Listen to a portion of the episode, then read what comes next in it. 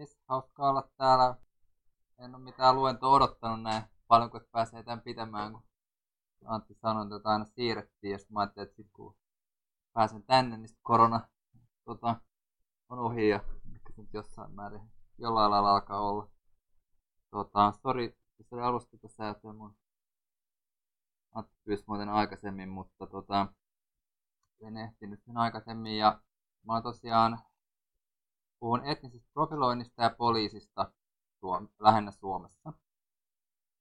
Mä oon tätä aihetta nyt vuodesta 2015 saakka tutkinut eka semmoisessa pysäytetyt hankkeessa ja nyt sitten yhdessä toisessa, toisessa projektissa tehnyt samansuuntaisia juttuja.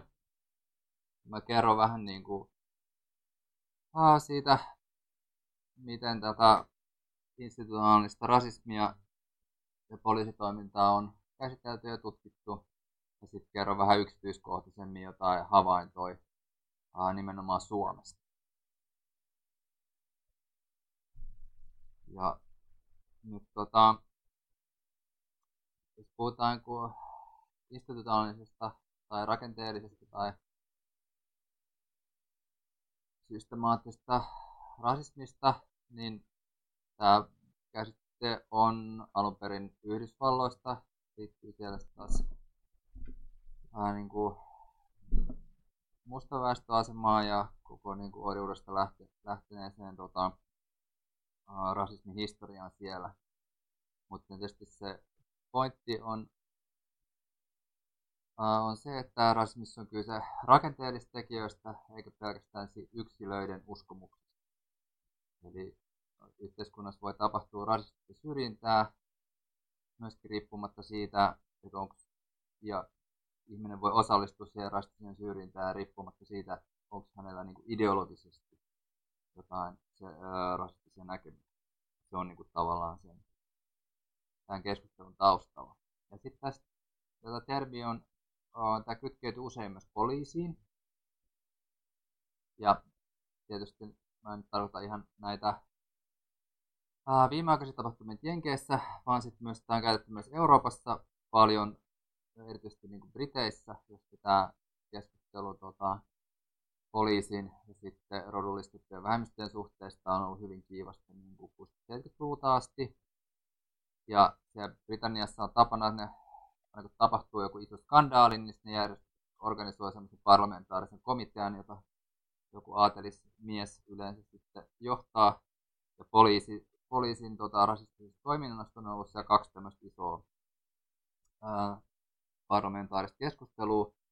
Viimeisin oli 99 ja se on, sit puhutaan Steven Lawrence selvityksenä, joka Steven Lawrence oli nuori musta mies, joka murhattiin Lontoossa ja jonka sitten tämän murhatutkimuksen niin poliisi mokas täysin. Ja siitä sitten syntyi myös tota, isoja protesteja ja nämä johti sitten tällaiseen Lontoon poliisiin koskevaan selvitykseen. Ja sitten tämä selvittäjä, joka ei siinä ollut siis mikään niin kuin, radikaali henkilö tai poliisivastina tai mitään tällaista, niin kuitenkin totesi siinä, että Lontoon poliisi on institutionaalisesti rasisti. Ja siinä oli nimenomaan sitten tarkoituksena osoittaa se, että se on tota, kyse ei ole vaan siitä, että olisi joitakin poliiseja, laitoksella, jotka joskus toimivat väärin, vaan että se on niin kuin, ää, koko se laitosta ja sen kulttuuri ja sen toimintatapoja koskeva niin on. Ja sitä sitten ää, kriminologit ja sosiologit ja eri tutkijat on sitten yrittänyt niin kuin miettiä, että mitä se tarkoittaa, että jos joku ää, osa-alue yhteiskunnasta on institutionaalisen rasistinen, joku iso instituutio, niin kuin poliisi on rasistinen, niin mitä siihen liittyy. Mä tuun käyn näitä kaikkia sitten vähän läpi, mutta yksi on tavallaan se, että siellä voi vallita tietynlainen niin kuin toimintakulttuuri sen sisällä, jonka kaikki omaksuu, kun ne tulee töihin. Eli kyse siitä, että ihmiset, jotka tulisi sinne, olisi niin kuin rasisteja, vaan että siinä on jäänyt elämään semmoinen niin kuin, vaikka syrjivä kulttuuri, mutta mä puhun tästä enemmän. Ja sitten voi olla myös semmoisia, niin kuin, voisiko sanoa, koko yhteiskuntaa koskevia poliittisia asioita. Esimerkiksi voidaan ajatella tota, vaikka siirtolaisuuteen liittyviä keskusteluja ja niin, kuin niin sanotun sääntelemättömän siirtolaisuuden torjuntaa ja tämmöistä, että voi vaikuttaa siihen, miten tämmöiset turvallisuusinstituutiot toimii ja niin kuin johtaa syrjivää toimintaa niissä. Tämä nyt tällä johdannoksi. Mä yritän ensin nyt käydä vähän näitä termejä läpi ja sitten kertoa tarkemmin sit siitä, mitä Suomessa tapahtuu. Ja eli tota, nyt kun puhutaan syrjinnästä, rasistisesta, rasistisesta syrjinnästä poliisitoiminnassa, niin monesti käytetään termi etninen profilointi. Ja tämä etninen profilointi tarkoittaa vain sitä, että poliisi tai joku muu vastaava viranomainen valitsee niin kuin toimintansa kohteeksi, esimerkiksi papereiden tarkastusta varten ihmisen yleistysten perusteella. Eli sen sijaan, että se tota, miettisi, että se ihmisen oma toiminta tai käyttäytyminen johtaisi siihen, että viranomainen kiinnittää huomionsa häneen, niin sitten onkin hänen ihon värinsä ja niin kuin habitus tai muu, joka saa niin kuin viranomaisen aloittaa sen toimenpiteen. Se on niin kuin se idea. Se, tämä etninen profilointi ei ole mikään virallinen poliisin termi, sitä on, ja sitä on vasta viime aikoina alettu käyttää jossain oikeudellisissa niin kuin päätöksissä, mutta se on niin kuin, ta, niin kuin kriittinen termi, niin se tarkoittaa sitä, että poliisia kohtaan kriittinen termi, niin se tarkoittaa sitä, että ää, stereotypisoidaan ihmisiä. Että toi on varmaan tota, epäilyttävä, koska silloin huppari ja se on nuori musta mies. Tämä on niin etnistä profilointia tai rodullista profilointia. Mä käytän nyt tätä etnistä profilointia, koska se on Suomessa ja Pohjoismaissa kaikissa niin kuin dokumenteissa. Joo.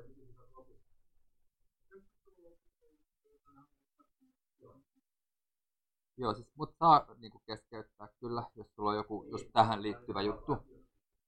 Ja sitten sit, no mä yritän niin kuin viiden aikaa lopettaa, niin sit voidaan keskustella enemmän ja saa tosiaan, jos, jos on johonkin näistä joku kysymys. Uh, sitten no ehkä mä voin uh, sanoa niin kuin yleisesti siitä, että eri maissa nämä keskustelut tästä niin kuin liittyy yleensä sitten maan, koska sanoa, niin kuin koloniaalihistoriaan, ähm, sen maan tavallaan siihen, miten niin kuin rasismi on siellä poliittisesti ja yhteiskunnallisesti, miten sitä käsitellään. Ja nyt esimerkiksi meillä paljon tätä keskustelua, jos olette seurannut, niin monet asiat nousee sitä kautta, että ne nousee Yhdysvalloissa tai jos Briteissä esimerkiksi. Molemmat on maita, jos tässä niin kuin rasismilla ja antirasismilla on niin kuin ihan erilainen historia kuin Pohjoismaissa tai Keski-Euroopassa tai niin EU-ssa ylipäätään. Um, jos menee Britannian sisäministeriön sivuille, niin sieltä voi käydä tarkistaa, että kuinka usein poliisi pysäyttää kadulla ihmisen ja tutkii sen ja sieltä saa tietää, kuinka usein poliisi pysäyttää niin kuin, ää, mustia ihmisiä verrattuna valkoiseksi itsensä identifioiviin asialaisiksi, itseään identifioiviin ja niin edespäin. Ja kaikki tämmöinen on niin kuin ihan semmoista normaalia julkista keskustelua ja tavallaan viranomaisilla on tietyt vastuut raportoida niin kuin siitä, kuinka millaista epäsuhtaa esiintyy esimerkiksi vähemmistöjen kohtelun ja koko väestön kohtelun välillä. Suomessahan ei ole mitään tämmöistä meillä on niin kuin nämä keskustelut etnisestä profiloinnista on liittynyt pääasiassa niin kuin ulkomaalaislain pohjat tehtäviin ratsioihin. Ne liittyy keskusteluun niin kuin paperittomuuteen ja ulkomaalaisvalvontaa tällaisiin. Ja sitten on ollut niin kuin romaniin liittyviä. Meillä ylipäätään hyvin vähän tuotetaan yhdenvertaisesti dataa, joka liittyy etnisyyteen tai rodullisuuteen tai rasismiin. Nyt onneksi on niin kuin isot järjestöt, kuten Open Society ja sitten toisaalta EUn perusoikeusvirasto on ruvennut niin kuin tuottaa enemmän tutkimustietoa näistä asioista, jota sitten niin kuin voi niin kuin tutkijat ja aktivistit ja järjestöt ja laillisuusvalvojat niin kuin käyttää. Myös Suomessa on, on kerätty jotain, mä palaan siihen.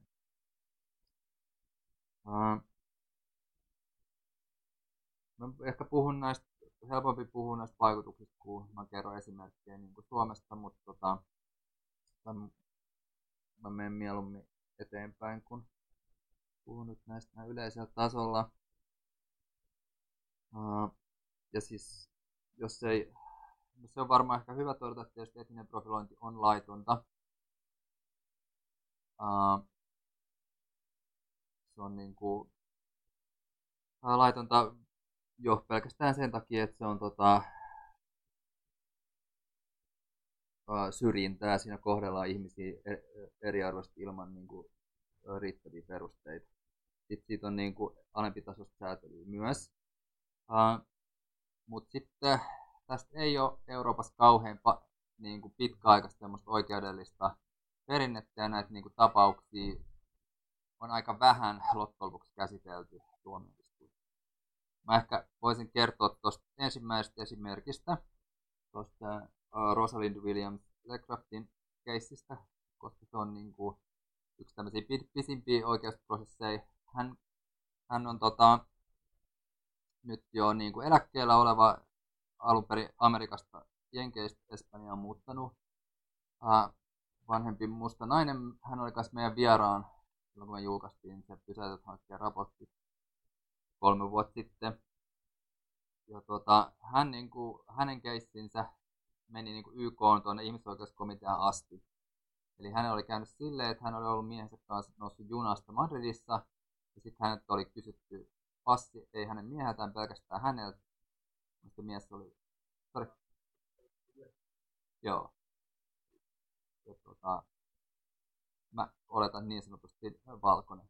Ja sitten täältä, tota, ja sitten sä, kun tää oli valittanut tää Rosalind siitä, että miksi te pysäytitte, tämä oli sanonut tämä poliisi, että no koska sä oot. Ja se, tota, sitten hän oli tehnyt siitä niin valitukset, mä en tiedä onko se rikosilmoitus vai valitus, mutta joka tapauksessa oli sitten käynyt se keissi kaikki tuomioistuimet Espanjassa. Ja hän oli aina hävinnyt. Mutta sitten se joku asianajaja keksi, että se voi vielä sinne YKlle, ja sitten siellä hän niin voitti. Ja tämä on nyt tämmöinen ensimmäiset merkittäviä ennakkopäätöksiä, jos todettiin, että niin tota, profilointi on laitonta, eli ei voida paperittomia tota, etsiä sillä pohjalta tai ajatella, että joku voittaa ihan väriä tai valtaväestö.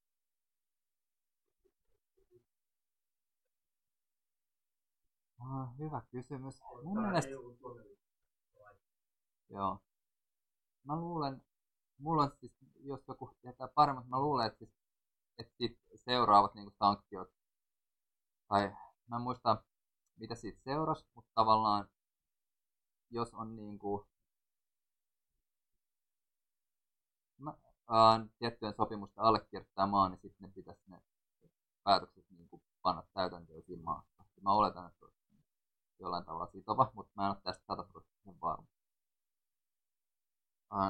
EIT-stäkin on nyt, EIT on nyt tämän tyyppisiä keissejä myös tällä hetkellä, mistä odotetaan niin kohta tuloksia tuossa nyt mainittu tuo Venäjän tapaus, oli taas sen tyyppinen, jossa niin kuin, Venäjän poliisi oli niin kuin radiossa sanonut, radiossa esimiehet oli sanonut, ohjastanut poliisia, että teidän pitää pysäyttää kaikki tetsi. Ja sitten oli todettu,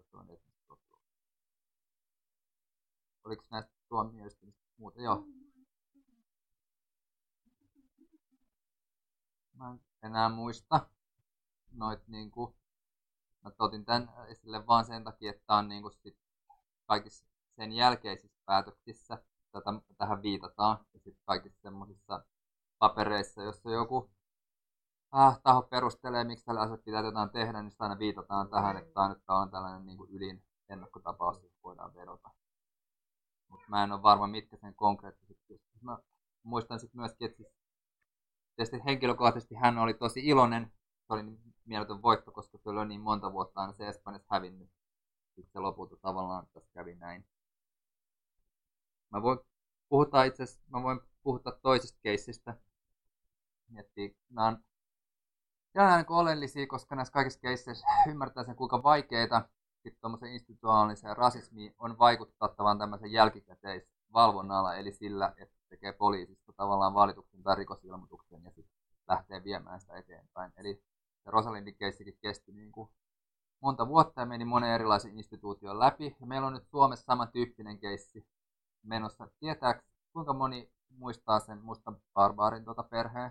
pysäytyksen ja sitten seurannut James Nikanderin tota, äidin ja siskon keissin jo. Ei, hän ei ollut paikalla. Hän kirjoitti sitten Facebook-postauksen, josta lähti sitten keskustelu liikkeelle. Eli tässä oli se, ne oli ollut hänen tota, eli tämän Nikanderin äiti ja sisko oli ollut yöaikaa Helsingin liikenteessä ja sitten ää, kaksi siviilipukusta poliisia oli halunnut tarkastaa heidän paperinsa. Sitten oli syntynyt jonkinlainen yhteenotto, jonka seurauksena oli laittanut nämä molemmat naiset käsirautoihin. Molemmilla oli ollut, mun mielestä, molemmilla oli ollut kansalaisuus. Ja siitä ei ollut sitten, ja sitten tota, oli tehnyt siitä rikosilmoituksen sit poliisin toiminnasta. Ja poliisi oli myös tehnyt heistä niin kuin, uh, rikosilmoituksen. Syyttäjä teki syyttäjämättä jättämispäätöksen siitä poliisia kohtaan. Sitten tota, mutta he vei sitten, sit he sai itse sakot siitä virkamiehen vastustamisesta. Mutta sitten he vei sen tota, uh, tuonne yhdenvertaisuus ja tasa-arvolautakuntaan. Ja sitten sieltä he taas sai niin kuin, myönteisen päätöksen, että se lautakunta totesi, että poliisi on syyllistynyt etniseen profilointiin. Ja se päätös ei, tota, se ei ollut yksimielinen, ne äänesti. Ja se niin kuin, tää, tota, päätös syntyi niin kuin puheenjohtajan äänellä. Eli se oli aika tasainen. Ää, he siinä päätöksessä todettiin, että ne poliisit, tota, että ne oli perustellut sitä sillä, että he tietää, että tähän aikaan niin kuin yöstä tällä alueella liikkuu ulkomaalaisia seksityöntekijöitä. Ja sitten he oli mm, nähnyt, että nämä naiset puhuu jonkun valkoisen miehen kanssa. Ja että he oli ollut niin kuin etsimässä tavallaan paperittomia ja ihmiskaupan uhreja ja niin edespäin. Ja sitten, tota, sitten tämä lautakunta totesi, että jos ne olisi epäily esimerkiksi ihmiskauppaa, niin miksi ne ei tota, puhunut tämän, tota, puhuttanut tätä va- valkoista miestä ollenkaan. Ja niin edes, edespäin. Ja se lautakunta totesi, että siinä oli niin kuin, kyse etnisistä Tämä on nyt tämmöinen ensimmäinen päätös, jossa on niin kuin, todettu, että poliisi on syyllistynyt etniseen profilointiin, mutta poliisi valitti tästä hallinto-oikeuteen ja hallinto-oikeus tämän päätöksen. Uh, tässä päätöksessä oli myös, niin kuin tämä lautakunta pystyy antamaan niin uhkasakkoa, että ne oli antanut myös uhkasakon, että Helsingin poliisi pystyy tähän uudestaan. Tosin se koski vain näitä kahta niin kuin, henkilöä, eli ei esimerkiksi profilointia ylipäätään, vaan että näitä kahta henkilöä ei saa enää uudestaan esimerkiksi profiloida. Mutta joka tapauksessa hallinto-oikeus sen kumos, mutta siitä on valitettu korkeimpaan hallinto-oikeuteen, eli siitä on tulossa päätös. Joo, eli mun mielestä korkein hallinto-oikeus on niin kuin antanut sen valitusluvan, eli se on nyt niin kuin siellä käsittelyssä, sinne on nyt menossa niin lausuntoja eri tahoilta.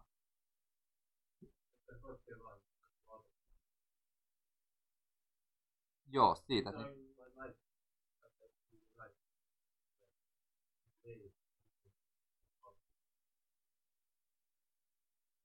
Uh, ei, kun ne naiset vei sen. Ei, ei, kato, eli äh, poliisi vei, vei ensin sen hallinto-oikeuteen ja sitten sen jälkeen mä luulen, että nämä naiset valitti siitä. Uh, ei, siitä, ha, siitä hallinto-oikeuden Näin mä oletan, että siinä täytyy mennä, joo. Ja tämä on sitten tietysti tosi tärkeä päätös, koska tämä on niin ainut keissi, joka on, uh, jossa on niin kuin näin perusteellisesti keskusteltu tästä ja joka niin kuin on mahdollista, että on sitten niin kuin poliisia kohtaan kriittinen. Että ne aikaisemmat on niin oikeusasiamiehellä ollut hieman samantyyppisiä, ne on yleensä ollut semmoisia, joissa on vaan sitten todettu, että no, tässä on monta näkökulmaa ja että poliisin on syytä olla huolellinen ja varovainen, tekee niin kuin ulkomaalaislain pohjalta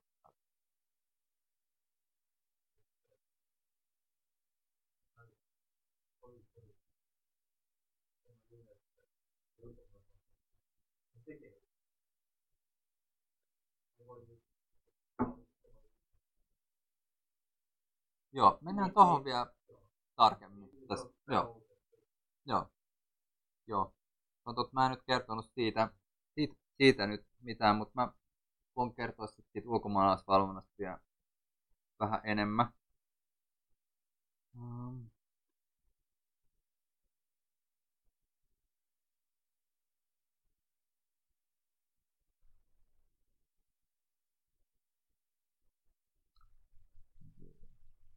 voisin ensin sanoa tästä meidän hankkeesta, että jos on tästä aiheesta kiinnostunut, niin sitten se meidän tutkimusraportti julkaistiin 2018, se on tuolla tämän hankkeen sivustolla saatavilla. Se on sekä suomeksi että englanniksi. Sitten meillä on siellä sivustolla on niin kuin näitä kuvia, joita oli myös tämän tapahtuman mainoksessa. Eli jos haluaa saada sen yleiskatsauksen siitä, että mistä se on kyse, niin sitten noiden, tuossa on jokainen noista päistä tuossa alareunassa niin kuin avaa sitten yhden sarjakuvasarjan, joka kertoo niin kuin perusasioita tähän tematiikkaan liittyen. Ja esimerkiksi jos jostain niin kuin opettaa tästä aiheesta tai miten vaan, tämä on niin kuin hyvä. Ja tämä on myös suomeksi ja englanniksi. Ja sitten mä voin sanoa vielä siitä hankkeesta. Eli me tehtiin silloin niin kuin paljon tällaisia laadullisia haastatteluja, haastatteluja me kysyttiin ihmisiltä, että onko poliisi pysäyttänyt sut ja koitko sen, että olisi eettistä profilointia ja onko se ollut vastaavia kokemuksia muiden tahojen, kuten vartijoiden tai tuulin tai muun kanssa. Sitten haastateltiin poliiseja ja jotain järjestötoimijoita. Ää, kysyttiin tavallaan poliisilta, että miten, miten he näitä pysäytyksiä tekee. Ää, ja sitten meillä oli myös sellainen kyselyaineisto, joka oli vertailuryhmä kaikki nuoret niin nuorisobarometrin tuossa pilotissa ja sitten ja sitten oli niin kuin somaliankielisiä, venäjänkielisiä ja sitten tota, ää, arabia- ja kurdinkielisiä. Mä voin sanoa siitä nyt jotain, siitä meidän tuloksista, sitten parista muusta tuloksista, nyt tämmöisellä niin kuin yleisemmällä tasolla, että kuinka paljon tätä tapahtuu Suomessa ja keihin se kohdistuu. Eli nyt tässä on niin kuin poliisista yksi taulukko. Ja ensin voisin ihan alkuun sanoa, että aika monella nuorella uh, vieraskielisellä nuorella oli niin kuin, kokemuksia jonkinlaisesta valvonnasta, jota on tehty niin kuin, ilman ilmeistä syytä. Eli näissä meidän kaikissa kysymyksissä oli toi, että se haastateltavat kysyttiin, että onko se pysäytys poliisin, vartijan tai kenen tahansa muusta, niin onko se tapahtunut hänen mielestään niin kuin ilman ilmeistä syytä. Eli, ja sitten vielä kysyttiin erikseen, että onko se ollut etnistä profilointia ja on, tai onko kohdeltu niin epäoikeudenmukaisesti. Ja nyt sitten äh, näillä niin kuin vieraskielisillä, äh, somaliankielisillä, arabia kurdikielisillä oli enemmän niitä kokemuksia ja sitten myös huomattavasti enemmän ystäviä, joilla oli tämän tyyppisiä kokemuksia. Sitten tota, mutta näihin niin kuin vaikutti paljon muutkin asiat kuin se vieraskielisyys. Että sitten vaikutti myös niin kuin, ähm, toi koulutustausta ja sitten toi sukupuoli. Eli jos vanhemmat oli korkeakoulutettuja, niin oli tapahtunut vähemmän. Samoin miehille tapahtui niitä poliisin pysäytyksiä huomattavasti enemmän. Niin sitten tässä meidän aika pienessä aineistossa, niin sitten ei niitä poliisin omakohtaisia pysäytyksiä ollut niin hirvittävän paljon enemmän sitten vieraskielisillä. Eli se antoi niinku semmoisen signaalin, että uh, se kontrolli ei olisi niin valikoivaa sitten suorien poliisi pysäytysten kohdalla. Toisaalta sitten poliisi vieraskieliset nuoret paljon enemmän sit, ää, ties, ties, tai siis keskusteli sellaisista tapauksista, jos poliisi oli ilman perusteetta niin kysellyt papereita heidän ystäviltään. Ää, sitten vartioiden ja myyjien kohdalla sit ne erot oli niin kuin, tosi isoja.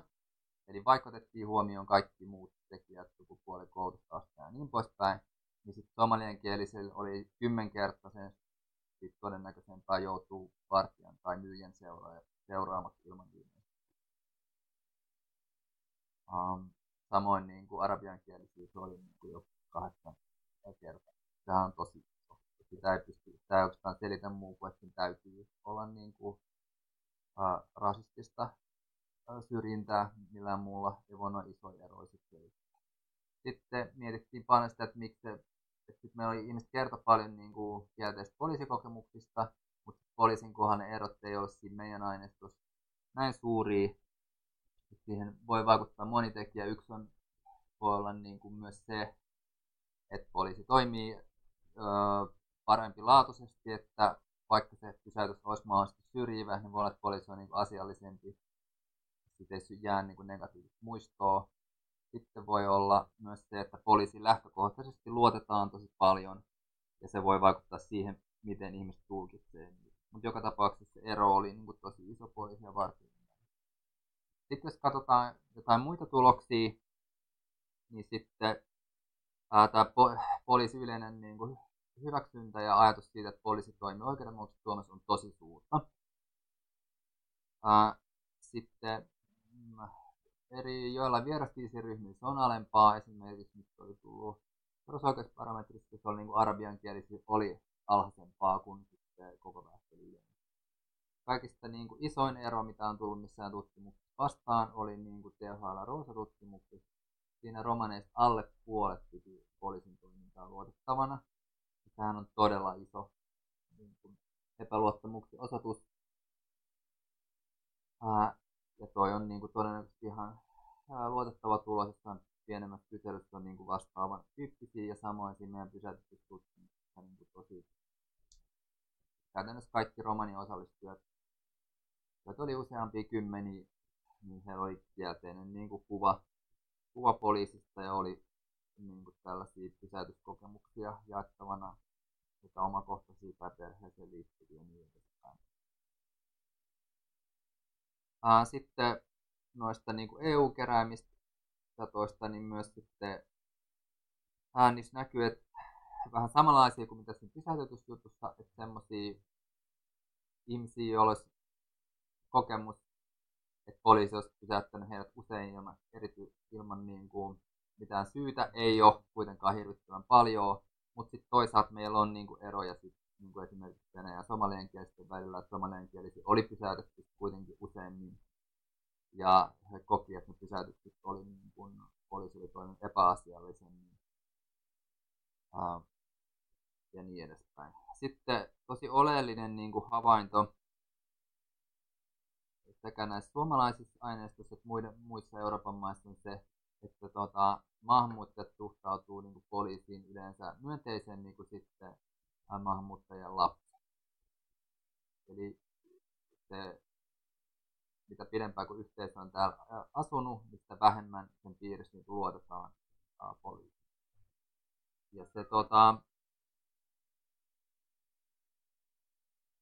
uh, siinä on niin kun, jos poliisilta, kun mä kysyn haastattelussa, että jotkut tutkimukset osoittaa, että maahanmuuttajat luottaa vähemmän poliisiin kuin koko väestö, niin sitten tosi yleinen, yleinen selitys poliisilla tästä johtuu siitä, että heidän kotimaassaan poliisi toimii niin huonosti, että sen takia he ei luoda täällä viranomaisia.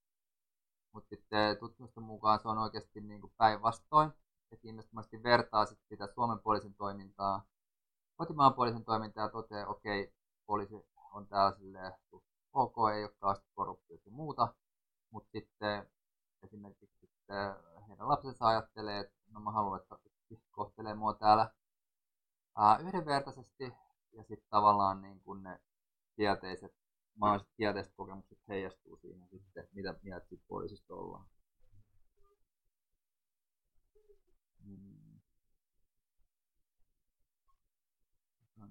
No,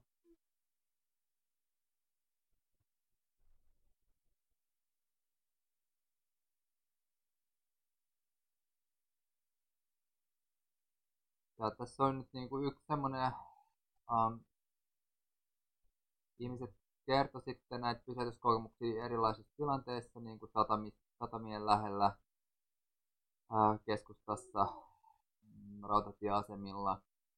Ja sitten tota, eri, eri ryhmillä oli vähän erityyppisiä kokemuksia, että romanit puhuu paljon siitä, että jos heidät pysäytetään niin kuin liikenteessä, niin se tapahtuu niin kuin eri lailla kuin ää, ehkä muulle väestölle, että ei niin kuin, pysäytyksiä ei tapahdu pelkästään tämmöisissä niin puhallutustyyppisissä ratsioissa, vaan saatetaan niin kuin, voi olla, että poliisiauto vaan tulee vastaan ja sitten kääntyy perään ja pysäyttää sen auton, kun on huomannut, että siellä on tota, romaneita näyttäviä ihmisiä. Ja sitten tota, usein niin kysytään sit aina paperit, ää, ja sitten kysytään vielä ne henkkarit niin kaikilta, ja sitten poliisi käy niin katsoa koneelta, että onko, olisiko jollain niin kuin haku päällä, saattaa joskus tutkia autoja. Niin, ja nämä on niin kuin tosi ää, tavallaan tämmöinen toistuva kokemus ja tarina, mitä, mitä tuota, jaetaan, jos romanin kanssa keskustelee. Sitten ihmiset on niin kuin, kokenut ne pysäytyksiä sit eri lailla, että jotkut kokenut sitten hyvin ahdistavina, että saattanut enää uskalla mennä tälle asemalle kuin poliisi. Aina tulee kysyä papereita, penkoita ja laukkua. Jotkut saattaa ajatella, että nyt on ihan sama poliisi kysyy, mutta passia se on niin poliisin homma ja ei halua ajatella sitä eteenpäin. Jotkut sitten taas kokee, että se niin kuin, että kun on vaikka Suomen kansalainen ja kasvanut täällä ja sitten tota, aina kun käy Tallinnassa tai Tukholmassa, niin sitten joku kysyy tuon otetaankin sieltä tota, maihin noustessa tarkastukseen tai kysytään siellä satamassa paperit, niin saa niin kuin epäilemään sitä, että pitääkö tämä yhteiskunta mua sen jäsenenä. Ja sitten tietysti semmoinen niin perustekijä, mikä on, on tällaisessa epäoikeudenmukaisessa viranomaistoiminnassa, on se, että se vaikuttaa kielteisesti siihen viranomaisten kohtaan koettuun luottamukseen ja myös sekin havaittiin tässä meidän, meidän tutkimuksessa. Mutta voisin vielä puhua vähän siitä ulkomaalaisvalvonnasta, ää, jos se tosi on siinä niin kuin, joo,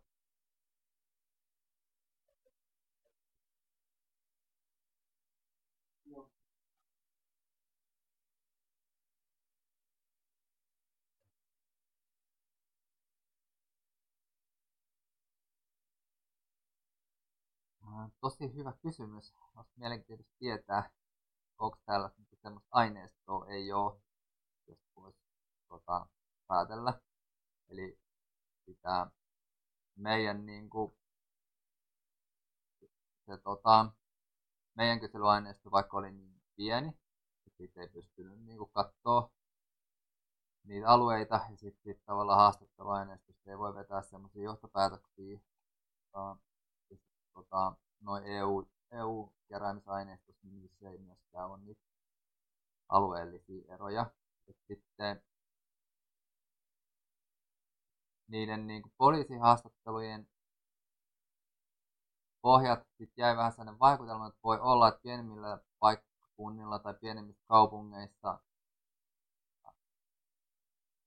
voi esiintyä semmoisia, ne käytännöt voi olla ongelmallisempia, mutta sitten se nyt ei niin kuin, kerro vielä kauhean paljon. Se on,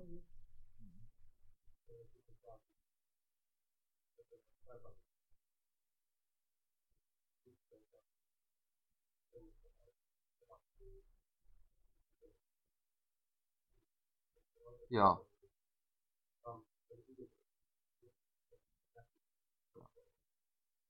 Tuossa on nyt taas just se kun ei ole tavallaan ei semmoista, ei ole tietoa. Mä voin sanoa yhden semmoisen yleistyksen, mikä niin kuin, ainakin silloin, kun me käytettiin sitä aineistoa, piti niin kuin paikkansa on se, että niin tapahtui niin kuin monesti, ne ihmiset kertovat niistä kokemuksista usein just sillä, että oltiin liikenteessä, jossain oltiin keskustassa, oltiin satamassa, oltiin lentokentällä um, ja niin kuin liikkumasta paikasta toiseen. Uh, Sitten semmoisia kokemuksia, että oltaisiin niinku vaan viettämässä aikaa siinä omalla asuinalueella. Ja sitten tavallaan niin sinne kohdistuisi niitä kontrolleja ja tavallaan semmoista nollatoleranssityyppistä poliisitoimintaa, että poliisi pyörii siellä niin kuin asuinalueella ja sitten pysäyttelee nuorisoa, niin sen tyyppistä oli tosi vähän sinne aineistossa. Ja niin kuin monet niin kuin koki, että se on enemmän silleen, että jos lähtee niin kuin kaupungille jossain porukassa, joka koostuu niin kuin, ei-valkoisiksi rodustetusta ihmisistä, erityisesti nuoria miehiä, niin sitten on tavallaan epäilyksen alainen. Mutta aika harva niin kuin, koki, että se oma, niin kuin, omalla asuinalueella olisi joku konflikti esimerkiksi poliisi ja nuorten välillä. Toisin kuin, niin kuin monissa muissa maissa saattaa olla just tällainen, että tuntui, että poliisi tavallaan hyökkää sinne omalle asuinalueelle, mutta meille ei tullut sen, sen tyyppistä niin kuin keskustelua juuri hyvin vähän, ihan niin kuin poikkeuksia lukuun ottamatta sinne näin.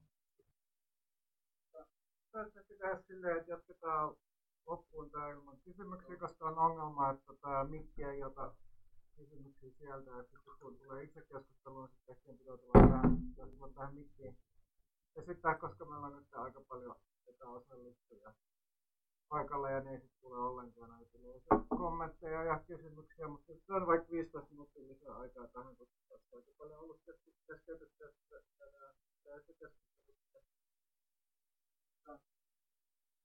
Okei, okay. tota, käydään sitten tota, läpi tätä uh, ulkomaalaisvalvontaa. Eli Suomessa niin kuin, ihmisellä ei ole mitään velvollisuutta kulkea passi tai henkkari taskussa. Uh, poliisi saa kysyä niin papereita, mutta sitten poliisi pitää olla siihen joku peruste, että niin pitää olla joku toimenpide tai joku asia niin käynnissä, johon ne välttämättä tarvitsee niin henkilötiedot, mutta ei ole niin kuin sellaista lähtöoletusta, että ihmisen pitäisi aina olla valmis todistamaan niin kuin se henkilöllisyys. Uh, sitten ulkomaalaisilla on erikseen niin kuin velvoite, että viranomaisen niin kuin ulkomaalaislaissa mainittujen viranomaisten pyynnöstä, niin sit pitää pystyä se henkilöllisyys selvittää, mutta siinäkään ei ole semmoista, että pitäisi olla se passi tai muu dokumentti aina mukana. Mutta niin kysyttäessä täytyy pystyä selvittää. Sitten poliisille on annettu se ulkomaalaislaissa niin tarkastusoikeus, ja sitten sille on asetettu tota, tiettyjä rajoituksia. Nämä rajoitukset on tullut niin kuin, tuonne ulkomaalaislakiin vasta niin kuin 2015. Ää, sitä ennen oli niin kuin, muutamia tapauksia, joissa niin kuin, yhdenvertaisuusvaltuutettu oli kritisoinut poliisi just tämmöisistä ulkomaalaisratsioista, jotka oli tehty esimerkiksi kaupungin Poliisi ja niitä oikeastaan niistä keskusteltiin myös niiden meidän niin kuin, ne näkyy myös siinä pysäytetyn niin aineistossa, että ihmisillä oli kokemuksia niistä ja samoin sitten ne poliisit kertoi, miten niitä oli tehty, mutta siis tavallaan se, mistä näyttää koko keskustelu Suomessa etnisestä profiloinnista alkoi, oli just semmoinen, että poliisi menee esimerkiksi yhdessä rajavartijalaitoksen viranomaisten kanssa niin kuin useimmille metroasemille sitten sieltä poimii tota, ihmisiä ja kysyy heiltä sitten niin papereita. Ja näistä tuli sitten uh, usein valituksia. Ei välttämättä ihmisiltä, joilta itseltä papereita, mutta esimerkiksi niin ohikulkijoilta, että uh, rasistista, että hän ei kaikilta, vaan poimii ihmisiä, jotka uh, tota, poliisin mielestä ei, ei näytä suomalaisilta. Ja sitten tähän sen takia tähän ulkomaalaislakiin sit lisättiin niin kuin tuollainen pykälä, jossa sanotaan, että niin pitäisi olla niin tietoa, jonka pohjalta tarkastus tehdään. Ja sitten sen lisäksi se ei saisi pohjautua ää, tota, oletettuun niin kuin etniseen taustaan aikaan niin kuin määrin. Ja tässä on nyt sitten esimerkki tavallaan semmoisesta just tällaista operaatiosta, ää, mitä niin kuin, mikä on niin kuin nähty ongelmallisena, ja jos luette tuon niin sitaatin, niin sitten sit selvii, tai helppo nähdä, miksi tämä on ongelmallista, eli tässä on kyse niin kuin tällaisesta itiksessä tapahtuneesta poliisien koulutuksesta, eli ihmiset, jotka on opiskellut pari vuotta tuolla poliisin ammattikorkeakoulussa, ne aloittaa niin kuin tällaisen työelämään perehtymisen, niin sitten ne on ollut ne on laitettu itiksessä niin kuin kysymään papereita ulkomaalaisilta. Ja he on niin kuin vaan sanottu, että, että jos on niin kuin ulkomaalaisen näköisiä, niin ottakaa kysytään niiltä paperit. Ja sitten mm, tämä niin poliisi kuvasi sitä, että he toimisivat silleen, että he kysyivät tota, kysy ihmisiltä, just, jotka heidän mielestään näytti ulkomaalaisilta ja sitten sen ja sitten saattoi niinku puhua suomea, jos ei puhunut kovin hyvää suomea, niin sitten kysyi myös papereita. Tämä oli niinku, ehkä se on toistuva kuva, että poliisit käytti, että he menee puhua ihmisryhmälle ja sitten jos ei poliisin mielestä puhu riittävän hyvää suomea, niin sitten saattaa kysyä ne paperit. äh, ilman, että siinä olisi mitään, mikä on, niin kuin, viittaisi siihen, että nämä henkilöt on, tota, voisi olla paperit. Eli nämä on niin kuin sillä, että poliisi arvioi erilaiset kriteerit, onko henkilö ulkomaalainen, ja sitten tota, tekee sen pysäytyksen. Ja sitten kaikki poliisit, joiden kanssa mä tästä on puhunut, niin ne sanoo, että kyllä he tietää, että ensimmäinen profilointi on kielletty. He tietää, että sitä ei pitäisi tehdä. Mutta sitten, jos poliisit kysyy, että miten se tarkastus tehdään ja miten se valikointi tehdään, niin sitten kukaan ei ikinä niin kuin kerro, että mitä se mahdollinen tieto olisi, minkä pohjalta joku pysäytys tehty, mikä, mikä tekee ihmiset epäilyttävän sille, että sitten pitää kysyä ne paperit, vaan sitten yleensä ne tavat valita se on niin kuin, tavallaan just joku kielitaito, ulkonäkö ja tällainen, mikä niin kuin, väistämättä johtaa sitten tekniseen profilointiin. Osapuoliset koki myös, että tämä niin kuin, johtaminen tämän asiaan liittyen on niin epäselvää. He, että heille ei ole annettu niin kuin, riittäviä ohjeita, miten tätä voisi niin kuin, tehdä, noudattaa lakia. Sitten olennainen asia on se, että poliisi ei niin kuin aina rekisteröi näitä pysäytyksiä, jos henkilöllä on ne paperit. Ja joka tapauksessa ne, jotka ne rekisteröi, ne rekisteröi semmoiseen tietokantaan, josta ei niin kuin, äh, julkaista mitään tietoja, niin sitten sitä ei voi myöskään niin kuin seurata näitä. Äh, sitä, kuinka paljon näitä pysäytyksiä tehdään, eikä sitten voida seurata myöskään, saati sitten, että voitaisiin seurata, että millä perusteella ihmiset on näihin valittu näihin pysäytyksiin, tai sitä, että miten ne jakaantuu niin eri väestöihin. Eli pysäytetäänkö ää, tota, vieraskielisiä esimerkiksi enemmän kuin ää, koko väestöä ää, ylipäätään. Sitten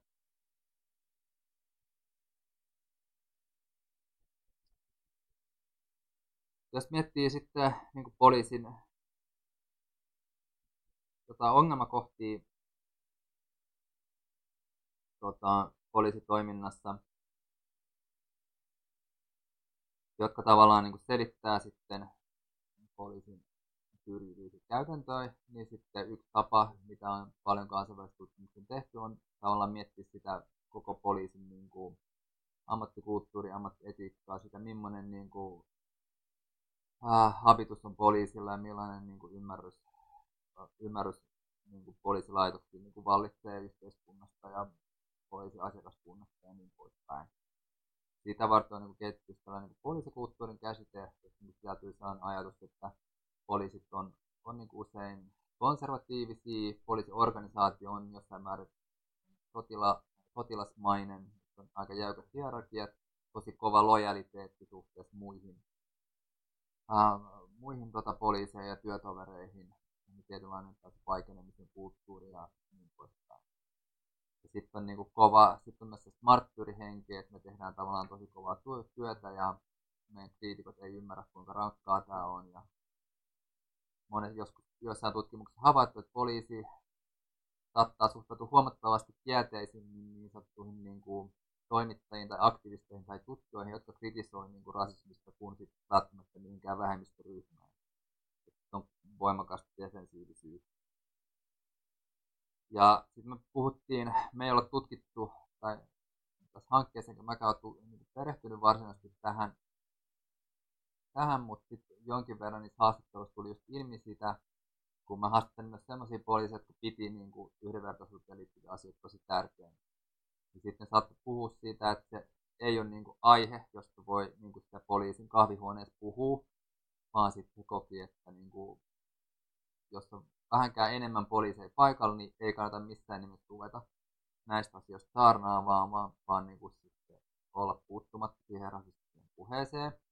Ja sitten esimerkiksi saattaa sanoa, että sit voi niin kuin kahden kesken voi, ihmisten kanssa voi puhua näistä asioista, mutta sitten tämmöiset niin kuin, a, tota, kahvihuonetyyppiset keskustelut on semmoisia, jossa normina on se, että ei tavallaan voida haastaa seksistisiä tai rasistisia puheita. Tästä on niin kuin vanhempaa tutkimusta, jossa on niin kuin haastateltu sitten vähemmistötaustaisia poliisia, ne toi just tätä samaa esille, että he koki, että täytyy vain kuunnella sitä puhetta, siihen ei voi puuttua. Siinä oli muutenkin se ihan mielenkiintoisia tuloksia, koska ihmiset olisi myös pysäytetty niin kuin vapaa-aikana ja he oli kokenut, että on ollut rasistista profilointia kollegoiden taholta. Mutta voisin ehkä nyt uh, ruveta lopettelemaan ja voidaan sitten uh, voidaan sit sen jälkeen keskustella enemmän, minne tulee sitten tonne tota, nauhalle. Ja ää, mä olisin vaan siitä sanonut, mitä näille asioille sitten niin kun voidaan tehdä. Et Suomessahan ei ole niin kuin nämä, mä kerroin nyt tästä yhdestä lakimuutoksesta, jossa etnisen profiloinnin kielto oli lisätty ulkomailla. Eli se oli esimerkki siitä, että julkinen keskustelu ja poliisin kritiikki on johtanut johonkin toimenpiteisiin, Uh, Mutta sitten toisaalta niin kuin aika monet, esimerkiksi tämä mutta Barbarin perheen keissihän tuli se lakimuutoksen jälkeen. Siis voidaan miettiä, kuinka paljon se on loput vaikuttanut. Mutta sitten niissä maissa on tehty tosi paljon näitä syvällisen tai isompia niin debatteja, isompia reformeja, niin ne tulokset on monesti niin ristiriitaisia. Uh, Yhdysvalloista uh, Floydin surman jälkeistä reformeissa ja niin kuin niitä edeltävissä reformeissa on todettu, että paljon vaikuttaa sitten se paikallinen konteksti, että esimerkiksi isoissa kaupungeissa reformit on ollut menestyksellisempiä kuin sitten taas niin kuin pienillä paikkakunnilla liittyen esimerkiksi poliisin niin kuin voimankäyttöön. Siihen, miten se, keihin se voimankäyttö niin kuin kohdistuu. Sitten toinen teema on sitten just tämä niin kuin ulkoinen valvonta, kuten nyt vaikka siinä Nikaderin perheen keississä asian Rosalindin keissit huomaa, niin se on tosi vaikeaa. Suomessa on joku viisi eri tahoa, jolle voi jättää valituksen poliisin toiminnasta, sitten voi tehdä rikosilmoituksen, se rikosilmoitus ää, poliisin toiminnat tutkii poliisi itse, tosin niin kuin syyttäjäviraston alasena, mutta nekin on niin kuin, meidän niin kuin, siinä kyselyssä, niin se oli joku 70 prosenttia ihmisistä sanoi, että just, että mihin sä voit valittaa, poliisi toimii epäoikeudenmukaisesti tai maasti laittomasti sua kohtaan, niin jos oli joku 70 prosenttia, jos ihmiset sanoo, että ei ne tiedä, niin voisi olla yhteys. Eli tämä on niin yksi ongelma. Sitten sit paljon nykyään yhteiskuntatieteellisessä tutkimuksessa painotetaan sitä luottamuksen käsitettä. Se on siinä mielessä järkevää, koska poliisikin on siitä kiinnostunut, koska poliisin toimintaa vaikeuttaa huomattavasti, jos ihmiset ei niin kuin, luota poliisiin, jos ei ne ilmoita rikoksista, jos ei niin kuin, anna todistajan lausuntoa ja tee niin kuin, yhteistyötä poliisin kanssa. Sen takia monet tutkijat painottavat sitä luottamusta, jotta voitaisiin viedä niitä reformeja ja saada poliisit sitoutumaan, sitoutumaan niihin. Sitten on tota, on sitten myös niin kuin, vielä tavallaan niin kuin, kriittisempiä ääniä, ne on ehkä saanut enemmän näkyvyyttä ainakin Jenkeissä. Nyt on Floydin niin surman jälkeen, se on vanhastaan tavallaan poliisin ajat, ihmiset ajattelevat sitä, että aloittaisi päästä kokonaan tästä modernista rikosoikeusjärjestelmästä niin eroon. Mikä on tota, niin mielenkiintoinen, mielenkiintoinen näkökulma, näkökulma myös. Suomessa siitä on hyvin vähän keskustelua ja kuten aikaisemmin todettiin, Suomessa se luottamus poliisiin on, on tota, ää, hyvin suuri.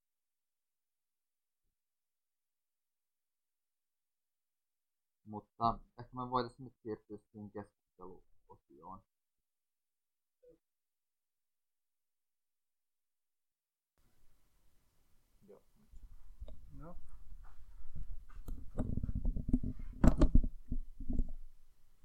Joo, no toi on tosi uh,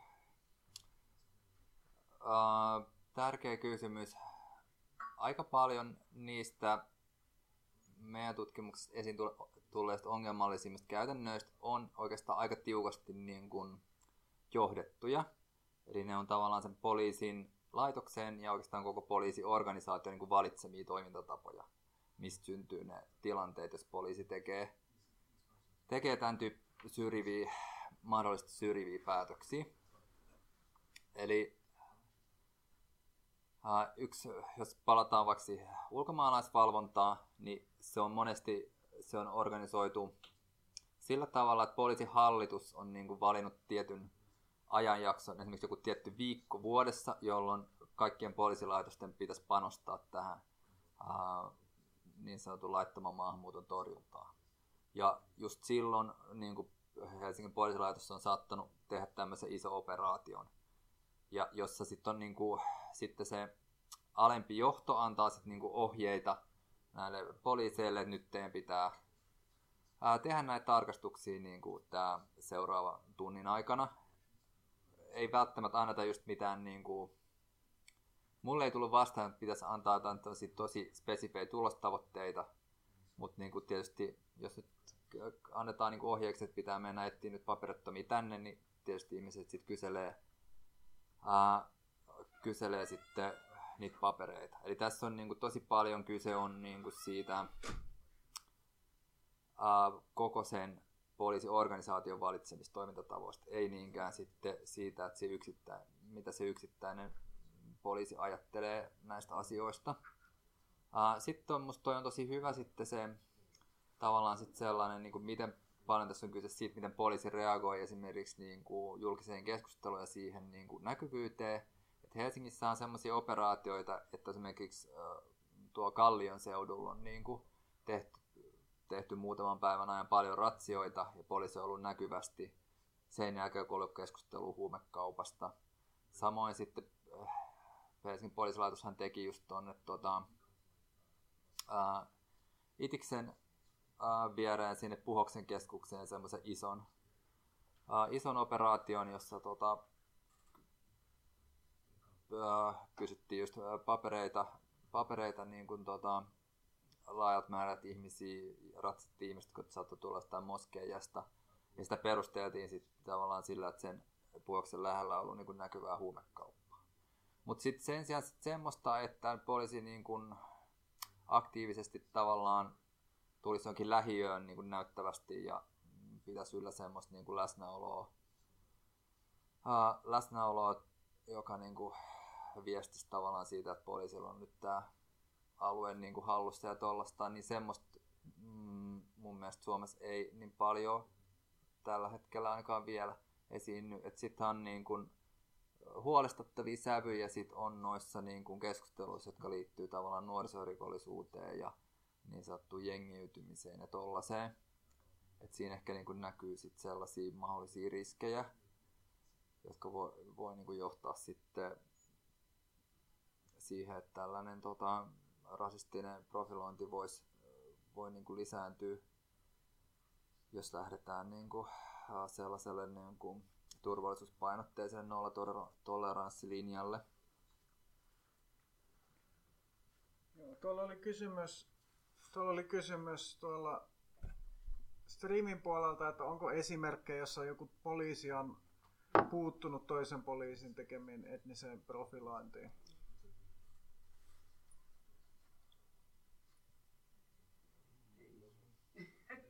Siis, joo, tota, mun mielestä,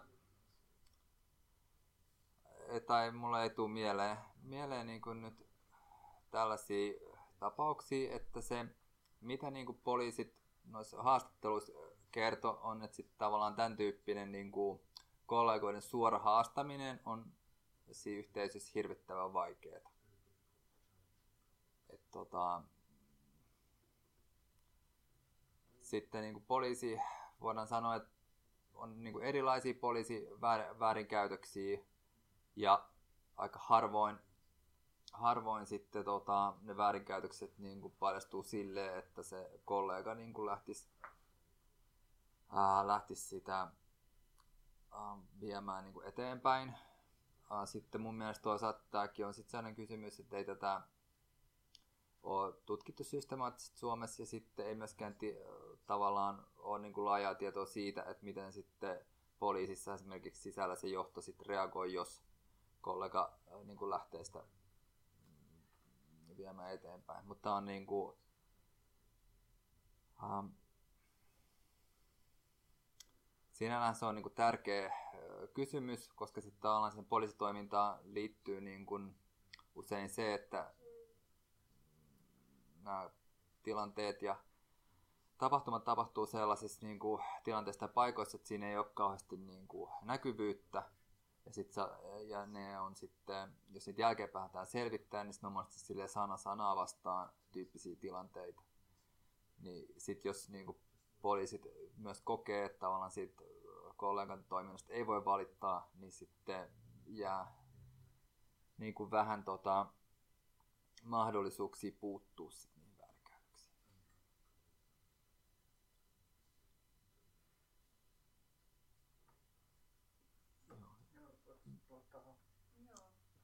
And I uh, just say that also if somebody wants to ask something in English, it's also possible.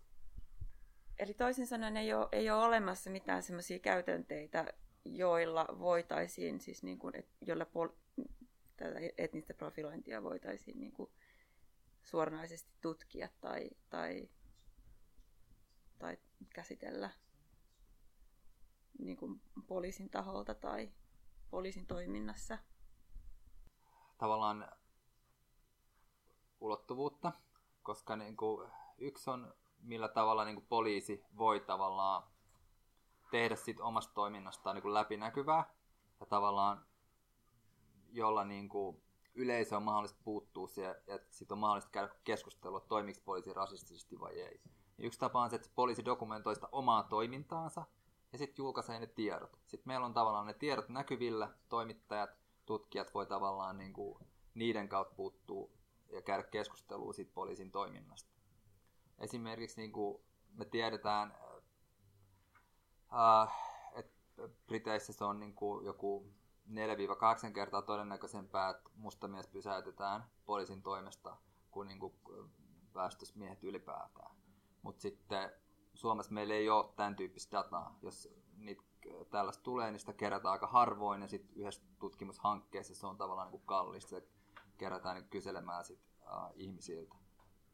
Niin jos poliisi taas julkaisisi niin kuin tietoa siitä, että keitä ne on pysäyttänyt, kuinka usein ja millä perusteella, niin sitten voisi tehdä tällainen vertailu, että okei, poliisi pysäyttää tosi paljon niin kuin arabiankielisiä suhteessa niin kuin muuhun väestöön, onko tässä joku ongelma. Eli poliisi ei julkaise semmoista niin kuin tietoa, josta me voitaisiin niin kuin varmasti, jonka pohjalta voisi niin kuin aloittaa sen keskustelun. Vaan poliisi sanoo, että ei, että, tota, ei ole mitään ongelmaa, että ajo, ollaanko me tehty mukaan jotain väärää, no näytä milloin ja missä me ollaan tehty se väärä asia. Ää, ja sitten sit on niinku, tota, on sitten tavallaan niinku se jälkikäteinen kontrolli, että jos joku poliisi tekee jotain väärää, niin ihmisellähän on niinku oikeus sekä kannella siitä, että tehdä rikosilmoitus. Ja niinku, sä voit kannella poliisille, sä voit kannella sitten yhdenvertaisuusvaltuutetulle, se koskee syrjintää, tai sitten tänne yhdenvertaisuus- ja tasa-arvolautakunnalle, sä voit kannella oikeusasiamiehelle tai oikeuskanslerille. Eli on tavallaan, mutta sitten ne kantelut ei yleensä johda tavallaan sen tutkintaan, vaan se johtaa siihen, että kanteleva viranomainen kysyy poliisilta, että tota, mitä, mitä te olette nyt tehnyt, että ihminen sanoo, että hänet on pysäytetty niin kuin ilman mitään perusteita, että johtuuko se hänen ihonväristä. Sitten se poliisilaitoksen oikeusyksikön juristi kirjoittaa sitten niin kuin vastauksen siihen. Ja sitten tämä valvova viranomainen sitten vertailee niitä vastauksia ja sitten antaa sitten jonkun päätöksen. Et tässä lautakunnan päätöksessä oli, mä luulen, että yksi oleellinen tekijä, minkä takia ne totesi, että tämä etnistä profilointia oli, että siinä poliisi, Helsingin poliisilaitos sanoi aika suoraan, että se ihonväri oli yksi oleellinen niin kuin, seikka, minkä takia ne pysäytti sen uh, Nikanderin perheen jäseniä. Mutta sitten uh, monesti, uh, mut tota, sekin, kuten niin kuin nähtiin, niin sekin on tosi niin kuin pitkä ja vaikea keissi. Et sen takia niin kuin mun mielestä on todella iso niin kuin puutteet sekä siinä, että miten ihmiset voi jälkikäteen puuttua tilanteisiin, jos ne kokee, että heitä on kohdeltu epäoikeudenmukaisesti, että ylipäätään sit siinä poliisin niin kuin, toiminnan ää, läpinäkyvyydessä. Oli kanssa streamin puolelta kysymys, että ottaako poliisihallitus etnisen profiloinnin vakavasti vai pyrkiikö se niin kuin peittelemään ongelmaa? No, poliisihan pyrkii nämä niin kuin keskustelut yleensä tavallaan lopettaa tosi lyhyen. Meillä oli esimerkiksi iso keskustelu oli tästä tota, romanien profiloinnista, eli Helsingin poliisilaitoksessa oli äh, semmoinen pitkä operaatio, jossa ne pysäytti romaneita, jota ne perusteli sillä, niin kuin, kahden romanisuvun välisellä niin kuin, konfliktilla. Se nimi oli Kuri 1. Ja tota, sitten ne lopetti sen, lopetti sen 2017 ja sitten sinne vai 2015 sinne kuitenkin parin vuoden ajan niin kuin kertyi näitä pysäytysmerkintöjä. Ja sitten tässä tehtiin niin kuin poliisihallituksen oma selvitys, jossa sitten todettiin, että tämä niin kuin, operaation nimi oli huonosti valittu, mutta tässä ei ollut niin kuin, laajempaa ongelmaa. Ja sitten meillä oli aikaisemmin oikeastaan tämän meidän pysäytyshankkeen aikaan tuli ilmi se poliisin niin kuin, epävirallinen sana Facebook-ryhmä, jossa oli käyty myös niin kuin, täysin avoimen niin kuin, rasistista keskustelua liittyen esimerkiksi turvapaikanhakijoihin ja he, heidän tukijoihinsa. Ja tästähän sitten seurasi niin kuin, se, että se ryhmä lopetettiin ja sitten todettiin siinä poliisin sisäisessä tutkinnassa, että tässä ei ole tapahtunut niin kuin mitään rikosta ja sitten se ää, asia niin kuin jäi siihen. Voidaan sanoa, että poliisi niin kuin pyrkii sit lopettaa nämä niin kuin, ää, keskustelut sitten mahdollisimman niin kuin lyhyen. Haluatko tulla tonne?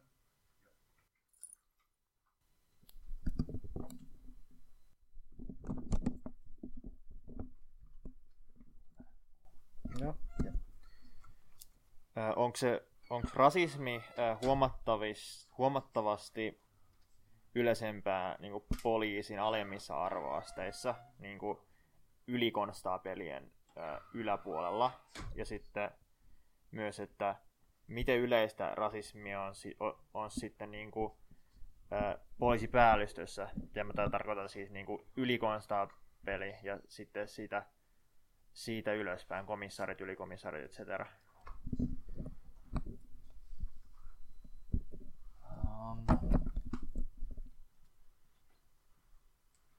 joo, se on tota, vaikea, vaikea kysymys. Et siinä on niinku yksi, um, voisi sanoa tuommoisen niinku, haastatteluaineiston pojat voi sanoa sen, että mitä ylempänä poliisi on siinä hierarkiasta, voisiko sanoa pätevämmin, hän osaa niin kuin keskustella näistä aiheista. Et sitten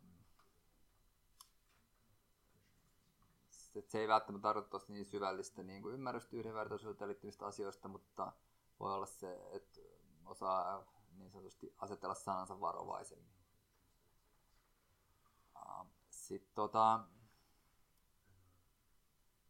musta siinä on sitten sellainen niin kuin olennainen, sit yksi olennainen tekijä on ollut noissa se, että ne poliisin niin esihenkilöt, mä en ole ihan varma, miten, millä, mi, mitä ne virkanimikkeet on, eli missä kohtaa ollaan tota, tätä hierarkiaa, niin ne esihenkilöiden antamat ohjeet saattavat olla hyvin ongelmallisia. Et yksi poliisi, joka oli tehnyt tämmöistä niin kuin, ulkomaalaisvalvontaa enemmänkin, niin sitten hän sanoi, että heitä saatetaan ohjeistaa sille, että ää, etnistä, että menkää nyt papereita, että muistakaahan sitten, että ette te tee sitä etnistä profilointia, he he, niin kuin sillä idealla, että miten te nyt muuten niitä kohteita ne voitte valita. Eli että se ei välttämättä ole niin kuin,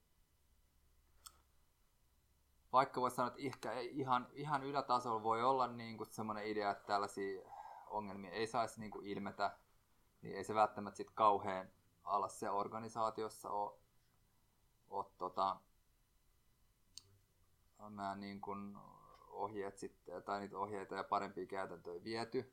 Ja sitten musta tuossa oli olennaista hyvä se just kysymys siitä poliisihallituksesta, että et poliisihallituksellakin on aika monesti sitten hyvin puolusteleva niin kuin ote, kun he kommentoivat julkisuudessa näitä asioita. Että sitten sit tulee niin kuin vaikutelma, että ei välttämättä se ihan korkeammallakaan tasolla sit kuitenkaan niin kauhean vakavasti näitä kysymyksiä oteta. Ja sitten tämä liittyy myös tähän aikaisempaan kysymykseen siitä, että mitä niin kuin keinoja ihmisillä on niin kuin puuttuu näihin asioihin, että jos ei tavallaan ole semmoista sitä tietoa ei julkaista ja sitten tavallaan nämä valituskanavista ei tiedetä ja niiden käyttö on vaikeaa, niin sitten tavallaan näiden päättävien tahojen ja poliisihallituksen on helppo blokata sitä keskustelua, koska voi aina sanoa, että no, antakaa nyt niitä kovia todisteita, että missä me ollaan niin kuin tarkalleen ottaen nyt tehty, tehty väärin. Kuuluuko tää ääni vai? Voiko pitää? Puhuisi kovaa, niin se ei ota se tota. Tähän voi, tähän voi tulla. Joo, mulla tuli kaksi asiaa mieleen, että monissa maissa, varmaan Britanniassa, se mä tiedän, että Steven Lawrencein tapauksen jälkeen, niin eikö se otettu käyttöön myös poliisissa, että otetaan kiintiöt käyttöön? Että on ulkomaalaisvalvonnassa esimerkiksi vaikka siitä joku poliisi, jolla on vaikka etninen tausta, Ai, niin semmoinen niin yhteys, yhteyshenkilö, että jos niin hän seuraa sitä, miten se tehdään, se, se valvonta. Ymmärrätkö, mitä mä tarkoitan? Joo. Eli jos mä oon vaikka jos nyt edustan jotakin vähemmistöä, niin oot se poliisiesimies ja sinä, niin me men, te menette sinne tekemään sitä valvontaa mun kanssa. Ja tämä uhri tai kohde voi tehdä sitten, niin kuin minä seuraan sitä siinä taustalla, että miten te niin kuin suoritatte. Ja mä, mä teen siitä sitten sen raportin. Joo. Siellä, Se on- siellä otettiin tämä käyttöön. Siellä on sellainen contact poli- niin kuin officer. Et Suomessahan voisi ottaa tämmöinen käyttöön. Toinen juttu, että eikö ulkomaalaisvalvonta voisi siirtyä todella suoraan vaan ulkomaalaisviranomaisille. Ohittaisi poliisiorganisaation kokonaan. Palkata sinne lisää työntekijöitä ja niillä on sitten, siellä lukee vaikka immigra- niin kuin Yhdysvalloissa lukee immigration. Ruotsissa on kai tämmöinen ulkomaispoliisi myöskin. Joo. Tota, no, mun mielestä molemmat ää, tosi hyviä ideoita, että Suomessa ei ole tavallaan semmoista niinku suoraa kansalaisvalvontaa, jo- joka liittyisi niinku poliisin tai turvallisuusviranomaisten toimintaan. Ää, et tota, sitä, ää, se olisi tosi hienoa, että jos jotain semmoista olisi mahdollista niinku rakentaa Suomessa. Et ehkä se, mitä niinku tulee lähimmäksi, on sitten, että poliisilla on sitten niinku semmoista ää, myös ennaltaehkäisevää työtä, jos poliisi tekee niin kuin, kontaktoi vähemmistö, vähemmistöedustajia, niin kuin uskonnollisia yhdistyksiä, järjestö, kansalaisjärjestöjä. Ja tässä on niin kuin ainakin Helsingissä siitä on myös niin kuin nämä järjestöjen tahot tullut myös paljon niin kuin positiivista palautetta, että, että niin kuin tämmöiset, tämmöiset toimintamallit voi olla hyviä. Ja sitten tota, ää, nyt tämä toinen, ää, mistä voisitko sanoa vielä uudestaan, puhuttiin niistä ää, contact officerista ja sitten, Contact officer tarkoittaa sitä, että jos on, se on- no sanotaan nyt näin päin, että jos tehdään ulkomaisvalvontaa, niin Joo. kohdalla, niin siinä on poliisi-ihminen, joka on romani, siis jolla on romani tausta. Niin, tai sitten jolla on tausta vaikka jossakin uskotollisessa muslimeiden yhteydessä. Se otetaan aina sinne mukaan, mutta se ei, niinku, se ei niinku tutki sitä, vaan se niinku tut, katsoo vähän, miten se ja sit sille voi tehdä niinku ikään kuin niinku se, se valitus. Britan- Britanniassa näin tehdään, että on Steven Lawrencen tapauksen jälkeen. Ja jos vaan kaksi valkoista poliisia menee operaatioon, niin se on yksi välinen poliisi otetaan mukaan, koska hän on se kontakti. eli jos Häneen- nyt, se- häneen sanotaan, että okei, sitten. Jos tulee joku, jos te niin huomaat, että tässä tapahtuu niin kuin lain rikkomista. joo, niin kuin- Joo, eli mutta tota, toi on sitten niinku huomattavasti, eli Britanniassa on käytännöt, jotka menee huomattavasti niinku pidemmälle, eli sitten nämä niinku, niistä vähemmistö tarkkailijat voi olla niinku mukana niissä poliisioperaatioissa tavallaan läsnä seuraamassa, mitä tapahtuu.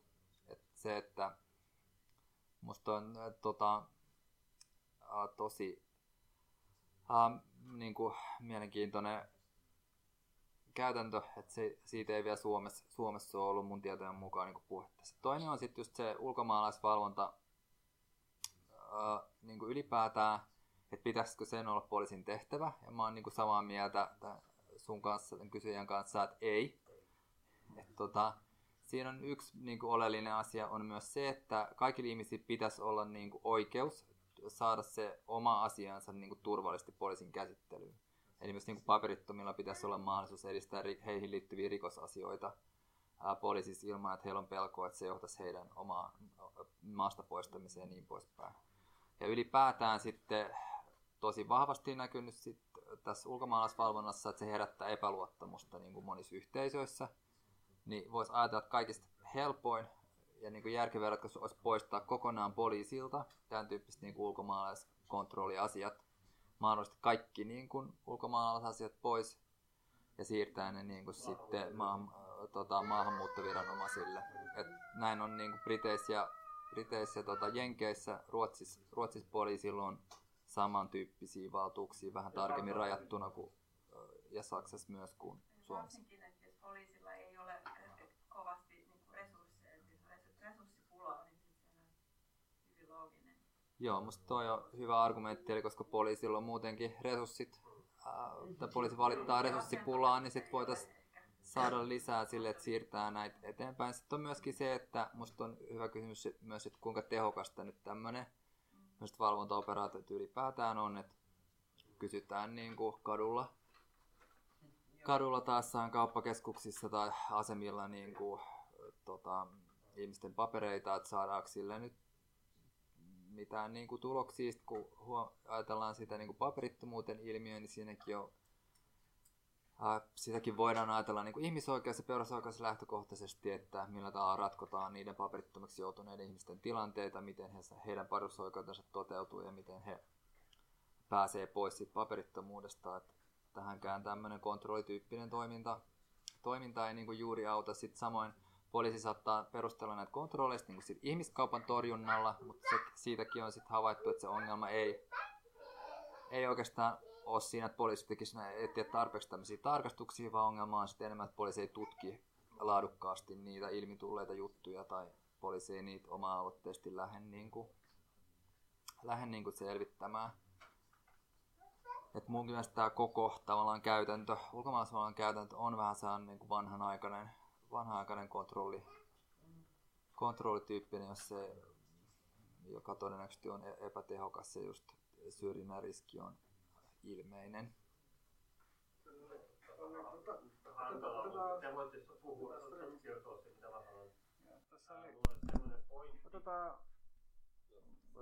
kysymys. Oli streamin puolelta kysymys, että kuinka vakavasti Kuinka vakavasti poliisiammattikorkeakoulu on suhtautunut etnisen profiloinnin ongelmaan? Ähm, Mä en oikein osaa, osaa tota, uh,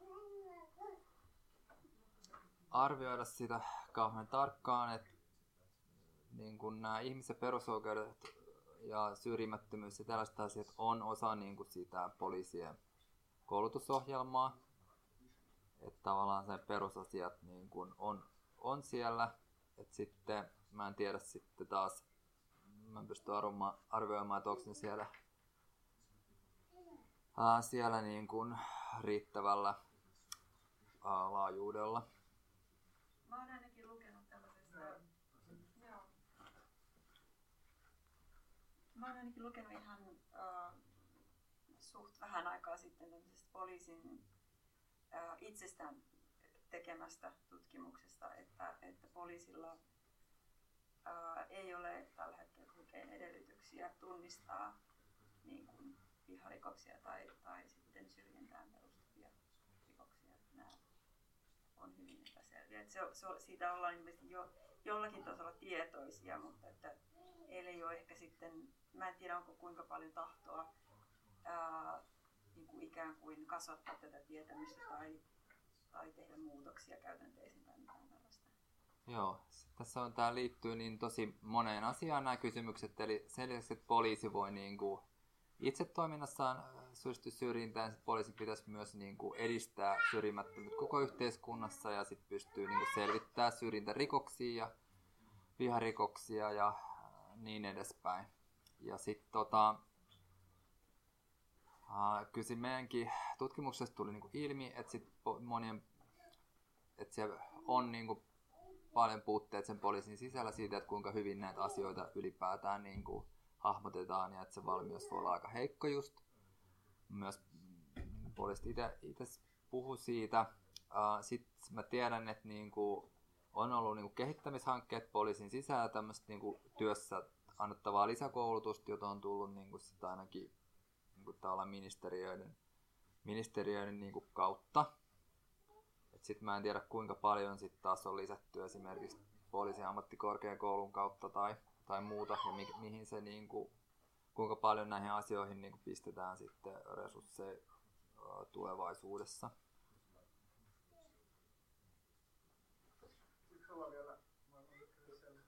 No, tuossa tuli, tuossa tulikin kai yksi kysymys.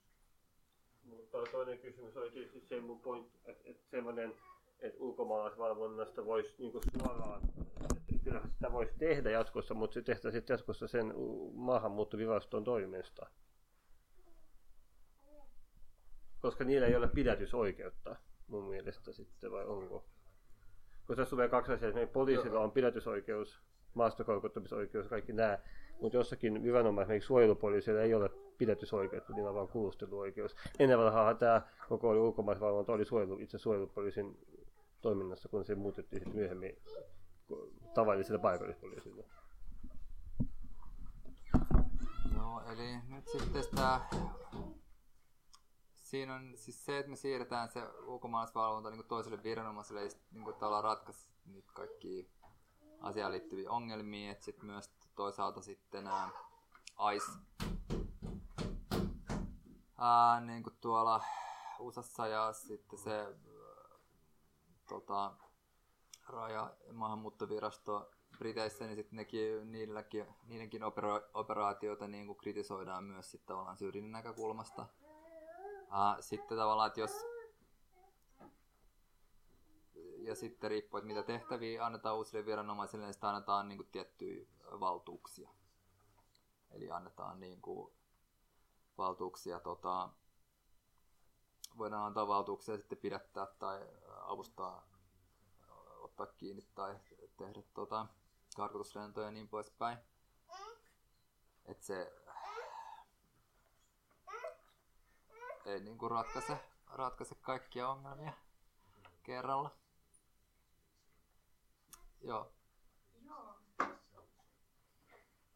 Minulla oli kysymys sitten vielä siitä äh, kuin Suomen ulkopuolisten tuomioistuimen, vaikka YK-tuomioistuimen tai, tai muun kansainvälisen tuomioistuimen antamista päätöksistä, että et, et tällaisissa tapauksissa miten suuri vaikutus sillä on ollut Suomen, Suomessa tehtäviin tapahtuviin oikeusprosesseihin? Joo, eli silloin noin tapaukset, mitä me tuossa puhuttiin aluksi, niin ne, vaikka ne Euroopan ihmisoikeustyön tapaukset tai sitten tämä YK ihmisoikeuskomitean päätökset, niin ne on niin kuin äh, semmoisia, jotka sitten on, niin kuin vaikuttaa siihen, kun äh, suomalaiset, tuomi, suomalaiset tota, viranomaiset tai laillisuusvalvojat tai tuomioistuimet tekee niitä omia päätöksiä. Että sinne niin kuin, niihin viitataan tavallaan sitten ennakkoratkaisuna ja niin kuin ne ohjeistaa sitä, että miten Suomessa tulkitaan sitä lakia. Ähm, se yksi ongelma tässä on myös tietysti se, että niitä voisi olla enemmän niitä kansainvälisiä ennakkopäätöksiä, että niitä ei myöskään Euroopan taso viety näitä juttuja niin kauhean usein menestyksekkäästi niin kuin ihan sinne ei teille loppuun asti. Et nyt on viime vuosina on ollut sekä Saksassa ja Ranskassa kyllä niin kuin niiden maiden niin kuin hallintotuomioistuimien tai korkeimpien tuomioistuimien sitten oleellisia päätöksiä, että on vähän samantyyppisiä tapauksia, jos oli, Saksassa oli keissi, jossa oli uh, musta opiskelija junassa ja sitten hän oli niin kuin ainoa, jolta oli kysytty ne paperit. Hän voitti sitten sen keissin tuomioistuimessa. Ranskassa sitten on niin kuin kansalaisjärjestöjen niin kuin tukemana niin kuin tehty sellaisia isompia kanteita, jossa on niin kuin monta monta tota, ää, arabi- tai afrikkalaista niin kuin nuorta valittam, niin kuin valittanut yhdessä ja siellä on tullut myös niin kuin, poliisille kielteisiä päätöksiä siitä, että nämä tarkistukset ja etsinnät on, on perustunut tällaiseen rasistiseen valikointiin. Nyt olisi enää kolme minuuttia jäljellä, jos joku, joka ei ole vielä kysynyt, niin voi kysyä. Ja sitten muut kysymykset voi sitten ulkopuolella kysyä sieltä. Onko joku, joka ei ole vielä, joka ei ole kysynyt, mutta haluaisi kysyä? Tuli mieleen, että kuinka paljon se mahdollisesti on niin taloudellinen kysymys, että niitä ei tehdä enempää, että voitaisiin viedä niitä niin isommin just EU-hun tai kansainvälisiinkin. Ja onko siitä tuntumaan niin Suomesta? Usein siis sen oikeudenkäyntiprosessin tavallaan maksaminen ymmärtääkseni on niin tehtävä asianomaisen ensin. Ja sitten se on epävarmaa, että saako siihen niin maksu jotenkin niin maksun jostain, eli se vaatii aikamoista taloudellista niin kuin, hyvinvointia, jotta sen voi aloittaa edes sen oikeusprosessin. Joo, toi on tärkeä kysymys myös, että toi liittyy erityisesti siihen, jos ne menee niin kuin sitä rikosilmoituksen kautta, että sitten jos esimerkiksi keissi päätyy hävisen käräjillä, niin uskaltaako siitä valittaa ja niin edes niin poispäin. Tota, sitten se toinen puoli siinä on sitten just se, että tietääkö ihmiset ne eri kanavat, uskaltaako tehdä poliisista vaikka rikosilmoituksen, tietääkö mihin voi tehdä kanteluun, luottaako siihen, että sit se kantelu niin johtaa, johtaa johonkin ja että se käsitellään kunnolla. Et joissain maissa on sitten erillinen niin kuin laillisuusvalvoja poliisille, joka on, jossa on sitten tutkijat, jotka on erikoistunut poliisirikoksiin. Hyvät asiakkaat, kirjasto suljetaan 15 minuutin Besta kunden, Biblioteket stängs om 15 minuter. Dear customers, the library will be closed in 15 minutes. Niin, sitten jos on tämmöinen niin erikoistunut laillisuusvalvonta viranomainen, jolla on sitten resurssit ja myös niin kuin oikeus tehdä kunnollisia tutkintoja, niin sehän sitä on niin kuin vahvampi. Ja sitten myös ihmiset tietää sen paremmin, jos on kuin yksi taho, johon, jolle voi sitten osoittaa ne valitukset tämäkin on sellainen asia, jota voisi Suomessa miettiä. Sitä on niin kuin, myös sitten Euroopan ihmisoikeus tota, mm, komitea ECRI on niin kuin sitten myös suositellut, että Suomessa ää, tätä asiaa harkittaisiin. No, mä haluaisin kysyä, eli miten sisäministeriö suhtautuu tähän asiaan? onko, onko siis sisäministeriöltä tullut jotakin aloitteita? Tai... Joo, eli sisäministeriö, tota, oikeastaan nyt se, mikä tulee lähinnä mieleen, on se, että heillä on ollut sitten just tähän vihapuheeseen keskittyvä joku koulutushanke, jolla sitten pyritään lisää poliisiosaamista tässä asiassa. Mun mielestä sitten yleisemmin sitten tämmöiseen poliisin valvontaan ja sitten tähän syrjimättömyyteen liittyviä aloitteita nyt ei tule niin kauheasti mun mieleen. Ei tule mitään. Niin. Mm. Nopea vaan, tämä on kuuluu oikeusministeriön käsittelyyn. Niin nyt ei, ei voi enää nyt pitää jo... Ei. Niin, nyt, nyt ei ikävä kyllä voi enää ottaa kysymyksiä, koska kukaan ei saa olla täällä enää tasalta ja pitää aloittaa huoneen kokonaan siinä kunnossa, kun me tultiin tänne, mutta kiitos kaikille. Voi tietysti puhujalta kysyä tuolla pihalla vielä tai käytävillä vielä kysymyksiä, jos, jos saa hänet kiinni. Ja meidän luennot tosiaan ensi sunnun, viikon sunnuntaina Oodissa on kohti ilmasto-oikeudenmukaisuutta tapahtuma. Alkaa yhdeltä ja sitten sitten tota Domus Gaudiumissa 17.10. on, on ekonationalismista ja ekofasismista ja äärioikeista ympäristöliikkeen kytköksistä. Ja to, näiden äänitteet myöskin sitten tulee YouTubeen ja podcast-palveluihin, jos ei itse pääse paikalle, mutta kiitos kaikille osanotosta ja toivon mukaan nähdään vielä. Voi ottaa tuolta ilmasta luettavaa ja jättää myös sähköpostiosoitteen, jos haluaa sähköpostilistalla. Fine словами.